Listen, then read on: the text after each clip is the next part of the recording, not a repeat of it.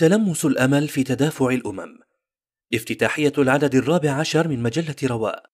رمضان عام 1443 هجرية نيسان أبريل 2022 للميلاد. مدخل سن الله تعالى للكون سننا لا تتغير ولا تتبدل لا يتجاوزها مؤمن ولا كافر. ومن تلك السنن التدافع بين الإيمان والكفر وجعل الأيام دولا بين الحق تارة والباطل تارة أخرى لحكم كثيرة. قال تعالى وتلك الأيام نداولها بين الناس وليعلم الله الذين آمنوا ويتخذ منكم شهداء والله لا يحب الظالمين وليمحص الله الذين آمنوا ويمحق الكافرين. أم حسبتم أن تدخلوا الجنة ولما يعلم الله الذين جاهدوا منكم ويعلم الصابرين؟ ومع هذا اليقين فإننا نلحظ منذ مدة طويلة صعودا وتمكينا لأهل الباطل وتراجعا مستمرا لأهل الحق فكيف حدث ذلك؟ وهل هناك أمل في تغير الحال؟ بداية الصعود الأوروبي لم يكن صعود القوى الاستعمارية في القارة الأوروبية حدثا خارجا عن السنن الكونية والشرعية فهو لم يحصل إلا بعد غفلة المسلمين في الأندلس وما جاورها عن دورهم الحضاري والدعوي في العالم وانغماسهم في الترف واللهو وتنافسهم على الدنيا الذي أدى إلى نزاعات فيما بينهم وكان عدوهم المتربص بهم يقضم من بلادهم القطعة تلو الأخرى. حتى فجع المسلمون بسقوط غرناطة آخر معاقل المسلمين في غرب القارة الأوروبية. قامت مملكة إسبانيا أقوى الممالك الأوروبية في وقتها وإلى جانبها مملكة البرتغال ببناء أساطيل بحرية قوية على أنقاض أساطيل الأندلس باحثين عن الثروات والنفوذ. وبينما كان الإسبان يستكشفون القارتين الأمريكيتين غربا سعيا للوصول إلى الهند ومواطن الثروات والتوابل. كان البرتغاليون يلتفون حول القارة الإفريقية ساعين شرقا للوصول إلى ذات الهدف. وكانت الحملتان تحت تأييد ومباركة قيادة الكاثوليكية البابوية في إيطاليا. رافق هذا الحراك التوسعي ظهور البروتستانتية في أوروبا وانتشارها في بلدان الشمال الأوروبي ووصولها إلى إنجلترا التي كانت تبني قوتها البحرية الخاصة المنافسة للإسبان والبرتغاليين.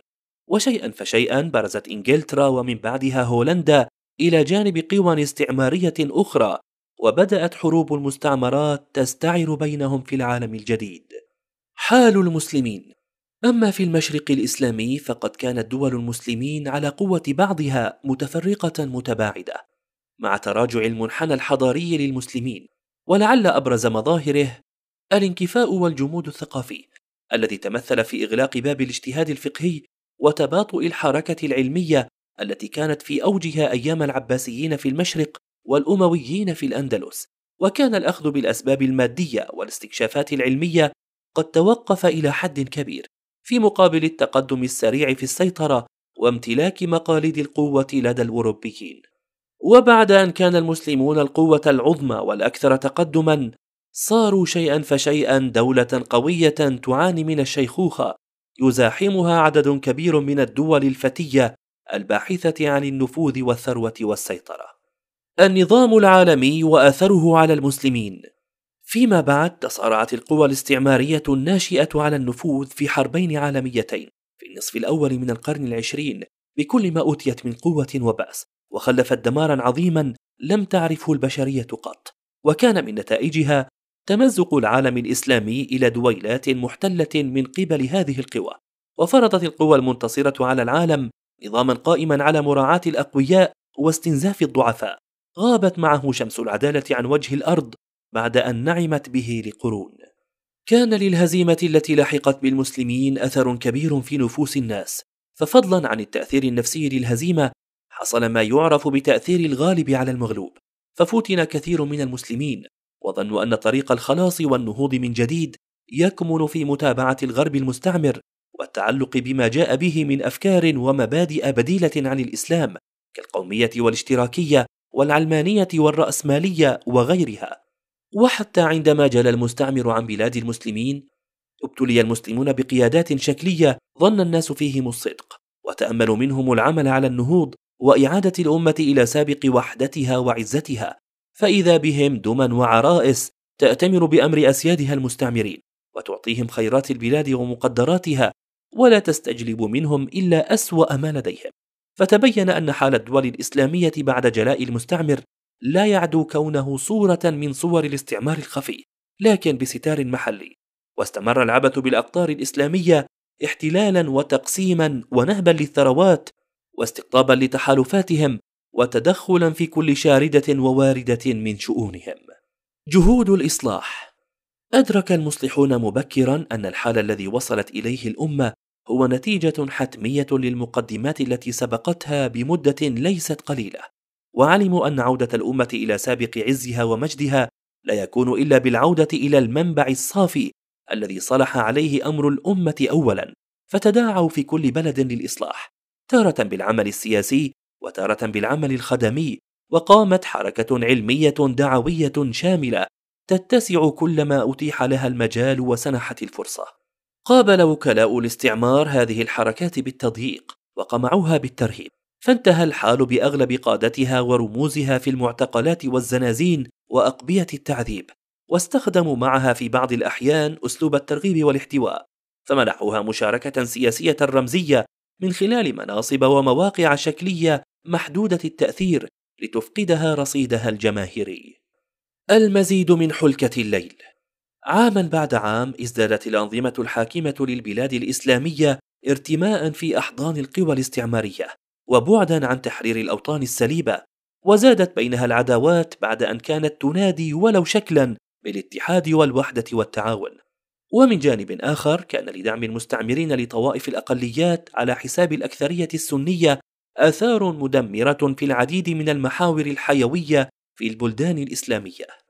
وبعد تفريط الأنظمة الحاكمة للبلاد الإسلامية بفلسطين في سلسلة من الخيانات في الحروب التي خاضوها مع الكيان المحتل، ثم رضوخ للاتفاقيات الدولية ومعاهدات السلام التي اعترفوا فيها بحق العدو في الأرض، انتهوا إلى التطبيع الكامل معه، والذي تجرم فيه مقاومة المحتل وتفتح له الأبواب ليحصل على الثمين من الامتيازات والعقود في بلاد المسلمين.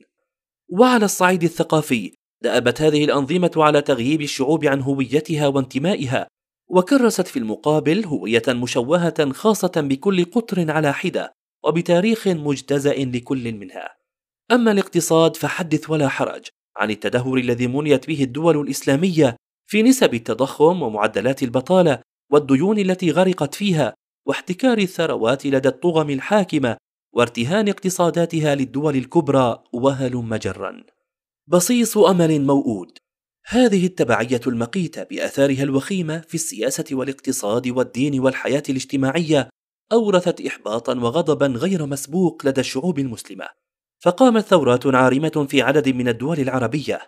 وبالرغم من بعض النتائج المهمة التي جنيت سريعا فقد مارست الأنظمة الحاكمة وحلفاؤها بطشا غير مسبوق في مواجهتها وكأنها وجيوشها قد أعدت لهذا اليوم وتواطأ بعضها في دعم بعض حتى ظهر ما يعرف بالثورات المضادة التي جاءت بحكومات أشد ظلما وأكثر انبطاحا وتطبيعا مع المحتل.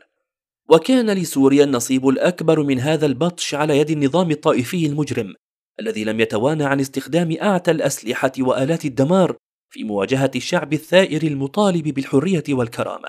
وكان الملفت والصادم لكثير من المراقبين تدخل عدة دول بجنودها وعتادها لقمع ثورة الشعب الأعزل من بينها قوى عظمى ضمن تفاهمات مع بقية الدول الكبرى الأمر الذي عرى حقيقة النظام العالمي وأظهر تواطؤ المجتمع الدولي على وأد أحلام الحرية للشعوب المسلمة مما زاد الصورة قتامة والليل حلكة. حالة اليأس الظلم المتواصل والبطش المستمر والتردي الاقتصادي والتعليمي والصحي تسبب في موجة كبيرة من اليأس والإحباط، خصوصا بعد انسداد الأفق وانتهاء الثورات إلى سبل مسدودة بين حلول سياسية مجحفة وواقع إنساني مأساوي. وكانت الهجرة إلى الغرب سبيلا فكرت به شرائح واسعة من الناس، لكن تبين مع الوقت أن الطريق ليس مزينا بالورود بل دون ذلك مفاوز ومهالك. قد تنتهي بالغرق أو القتل بأيدي خفر السواحل أو الاحتجاز داخل معسكرات مهينة. ومن يصل منهم لا يأمن على أولاده وأسرته من التفريق أو الإفساد. ومؤخرا صارت بعض هذه الدول تتجه نحو ترحيل اللاجئين بدعاوى مختلفة. في المحصلة تواجه الشعوب المسلمة مزيجا معقدا من عدة عوامل تجعل الأفق مسدودا في وجهها. تتمثل في التوافق الدولي على حماية نفوذ الدول الكبرى وتصدير مشكلاتها إلى الدول الأضعف ومنع انبعاث المسلمين من جديد بأدواتهم السياسية والعسكرية والاقتصادية والثقافية وطوابيرهم وجنودهم الذين يملؤون بلادنا إلى جانب فساد وظلم الأنظمة وسوء إدارتها للبلاد وإغراقها في أوحال التخلف والفوضى بالإضافة إلى عجز الشعوب وإمكاناتها الذاتية عن تفكيك هذه القيود المتضافرة والمتراكبة. الفرج بعد الشدة. في مثل هذه الأحوال التي ينسد فيها الأفق ولا يبقى لدى البشر ما يبذلونه بتدبيرهم يأتي التدخل الإلهي بسننه التي لا تتخلف وقدرته التي لا يعجزها شيء ومنها الفرج بعد الشدة. قال تعالى أم حسبتم أن تدخلوا الجنة ولما يأتكم مثل الذين خلوا من قبلكم؟ مستهم البأساء والضراء وزلزلوا حتى يقول الرسول والذين آمنوا معه متى نصر الله؟ قال ابن كثير يستفتحون على أعدائهم ويدعون بقرب الفرج والمخرج عند ضيق الحال والشدة. قال الله تعالى ألا إن نصر الله قريب. كما قال فإن مع العسر يسرا إن مع العسر يسرا. وكما تكون الشدة ينزل من النصر مثلها ولهذا قال تعالى ألا إن نصر الله قريب. وفي حديث أبي رزين عجب ربك من قنوط عباده وقرب غيثه فينظر إليهم قنطين فيظل يضحك يعلم أن فرجهم قريب. وقال الله تعالى حتى إذا استيأس الرسل وظنوا أنهم قد كذبوا جاءهم نصرنا فنجي من نشاء. قال السعدي في تفسيرها حتى إن الرسل على كمال يقينهم وشدة تصديقهم بوعد الله ووعيده ربما أنه يخطر بقلوبهم نوع من الإياس ونوع من ضعف العلم والتصديق. فإذا بلغ الأمر هذه الحال جاءهم نصرنا فنجي من نشاء وهم الرسل وأتباعهم. وقال سيد قطب في هذه اللحظة التي يستحكم فيها الكرب ويأخذ فيها الضيق بمخانق الرسل ولا تبقى ذرة من الطاقة المدخرة. في هذه اللحظة يجيء النصر كاملا حاسما فاصلا. جاءهم نصرنا فنجي من نشاء ولا يرد بأسنا عن القوم المجرمين. سنة المداولة. ومن سنن الله تعالى سنة المداولة. فالدنيا لا تدوم على حال والعسر يعقبه اليسر وشدة يعقبها الفرج ولو بعد حين. والله لا يعجزه شيء وله حكم بالغة في رفع أقوام ووضع آخرين. قال تعالى قل اللهم مالك الملك تؤتي الملك من تشاء وتنزع الملك ممن تشاء وتعز من تشاء وتذل من تشاء ومن كان يتصور أن النظام العالمي المنعقد اليوم لا يتزعزع ولا ينحل فقد خالف السنن الكونية والقدرية فقد جاء في الحديث قوله صلى الله عليه وسلم حق على الله ألا يرتفع شيء في الدنيا إلا وضعه أخرجه البخاري وقد تجبر في السابق أقوام فمحقهم الله فمنهم من أرسلنا عليه حاصبا ومنهم من أخذته الصيحة ومنهم من خسفنا به الأرض ومنهم من أغرقنا. كما مكن قوما كانوا مستضعفين فأتاهم الملك في الأرض المباركة. ونريد أن نمن على الذين استضعفوا في الأرض ونجعلهم أئمة ونجعلهم الوارثين. وهكذا يحول الله السيادة والزعامة في الأرض من قوم إلى قوم. لإظهار قدرته النافذة وحكمته البالغة وتدبيره المحكم. وهذه السنة صرح بها الله في قوله وتلك الأيام نداولها بين الناس قال السعدي فيداول الله الأيام بين الناس يوم لهذه الطائفة ويوم للطائفة الأخرى لأن هذه الدار الدنيا منقضية فانية وهذا بخلاف الدار الآخرة فإنها خالصة للذين آمنوا. وهذا مما يبعث على الأمل والتفاؤل ويدفع نحو العمل والتضحية. سنة المدافعة. وسنة المدافعة قريبة من سنة المداولة. وفيها يتجلى لنا كيف أن الله يدفع بعض الأمم ببعض. فتكون المداولة بينها بالتدافع والمغالبة. فتنتصر أمة ثم تدافعها أمة أخرى حتى تزيحها عن سدة السيطرة والغلبة فتحل محلها. وهذا مشاهد معلوم يدركه كل أحد. ومدافعة الكفار تحصل بأيدي المؤمنين. كما نصر ربنا تبارك وتعالى طالوت وجنوده على جالوت ونصر النبي صلى الله عليه وسلم وأصحابه يوم بدر ويوم الفتح ونصر أهل الإسلام في القادسية واليرموك وسائر الفتوحات التي سجلها التاريخ. وقد يضعف الله بعض الكفار بضرب بعضهم ببعض وهذا أمثلته كثيرة في التاريخ ومنها ما وقع في زماننا هذا كحروب المستعمرات والحربين العالميتين والحرب الباردة وغيرها.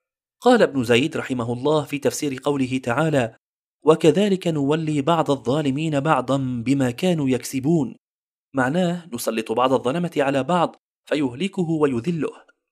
وفي تفسير قوله تعالى ولولا دفع الله الناس بعضهم ببعض لفسدت الأرض ولكن الله ذو فضل على العالمين قال ابن كثير ولولا أنه يدفع عن قوم بقوم ويكشف شر أناس عن غيرهم بما يخلقه ويقدره من الأسباب لفسدت الأرض وأهلك القوي الضعيف.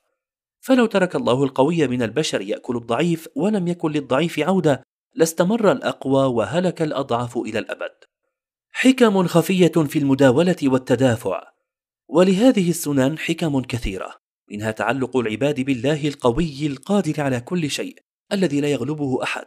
ومنها عدم انبهار الناس بقوة أمة من الأمم أو سلطانها وسطوتها ومن ثم تقليدها واتباعها فكلها إلى زوال وفيها من عوامل الفناء ما فيها ومنها بقاء الأمل حيا في النفوس وعدم استسلام الناس لليأس تحت ظلم الظالمين وبطش الطغاة واندفاعهم للعمل فيما يصلح دنياهم وآخرتهم إلى غيرها من الحكم الكثيرة والعبر الغزيرة.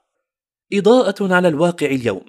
بالرغم من التوافقات الدولية المبرمة بين الدول الكبرى تحت مظلة المنظمات الأممية إلا أن نارا مستعيرة تحت رمادها تومض كلما برزت أزمة أو مشكلة. فهذه الدول تبقى دولا استعمارية يدفعها الجشع ويحركها حب النفوذ. ومن كانت هذه حالهم؟ فأنت تحسبهم جميعا وقلوبهم شتى. هذا فضلا عن سنن المداولة والتدافع التي تقتضي تغير الحال وتقلب الأمم في مواقع الصدارة والتبعية. فالولايات المتحدة ليست في أحسن أحوالها الاقتصادية والسياسية وتراجعها العسكري ظاهر منذ ما يقرب من عقدين. والاتحاد الأوروبي انكشف ضعفه العسكري مؤخرا وأن اعضاءه دابوا على التخفيف من ميزانيات الإنفاق العسكري معتمدين على حماية الولايات المتحدة. والأمور ليست على وفاق تام داخل حلف الناتو فثمه تفاهمات أمريكية بريطانية لا تدخل فيها فرنسا بل تتضارب مصالحهم بشكل جلي بين الفينه والأخرى. أما الدور الفرنسي فهو يشهد أزمة وتراجعا عالميا خصوصا في أفريقيا التي باتت تزاحمها فيها قوى أخرى مثل الولايات المتحدة وروسيا والصين وغيرها. والتصدر التكنولوجي والصناعي الصيني على حساب الهيمنة الأمريكية والأوروبية بات يشكل قلقا لساسة هذه الدول وقادتها. والتوتر في بحر الصين الجنوبي بلغ مداه في الأعوام الأخيرة والعالم بات يترقب غزوا عسكريا صينيا لتايوان التي تقع تحت الحماية الأمريكية. وروسيا تعيد تقديم نفسها منذ مدة قوة ذات نفوذ ومصالح في القوقاز ووسط آسيا وشرق الأوسط وأفريقيا. ومؤخرا ظهر التدافع باجلى صوره مع الحرب الروسية الأوكرانية التي تمثل أول حالة حرب أوروبية بعد الحرب العالمية الثانية. وتداعياتها بدأت تؤثر على العالم كله بارتفاع أسعار النفط والغذاء وغيرها خصوصا مع توقعات توسع هذه الحرب خارج حدود أوكرانيا. ويزيد من خطورة هذه التوقعات التلويح المتكرر باستخدام أسلحة الدمار الشامل من قبل الروس وخصومهم. الخلاصة بعد أحد عشر عاما من انطلاق الربيع العربي نجد أن العالم قد تغير عما كان عليه قبل هذه الأحداث. وروسيا التي أحرقت الأخضر واليابس في سوريا متورطة اليوم في حرب شرسة لا تملك حسمها ولا تقبل الانسحاب منها. وقد طالتها العقوبات الاقتصادية وبقية الدول الكبرى لديها من المشكلات مع بعضها وفي داخلها ما يضعفها وأذنابهم من حكومات بلاد المسلمين في أضعف حالاتهم أيضا. كل هذا يفيد بأننا على وشك أن نشهد ميلاد نظام عالمي جديد كما صرح بذلك عدد من قادة وساسة العالم. وما دام الله قد تكفل لهذا الدين بالنصر والتمكين فلا بد لهذا النصر أن يتحقق ولا بد للأمة أن تظهر من جديد. شاء من شاء وأبى من أبى. والله متم نوره ولو كره الكافرون. لكن دون ذلك بذل الأسباب. فقد وعد الله المؤمنين بالنصر والتمكين بشرط القيام بأمر الله كما قال تعالى ولينصرن الله من ينصره. إن الله لقوي عزيز. وقال وعد الله الذين آمنوا منكم وعملوا الصالحات ليستخلفنهم في الأرض كما استخلف الذين من قبلهم وليمكنن لهم دينهم الذي ارتضى لهم وليبدلنهم من بعد خوفهم أمنا. فمن أراد النصر والتمكين فعليه أن يسلك مسالكهما وشروطهما. مجلة رواء تروي ظمأ المعرفة.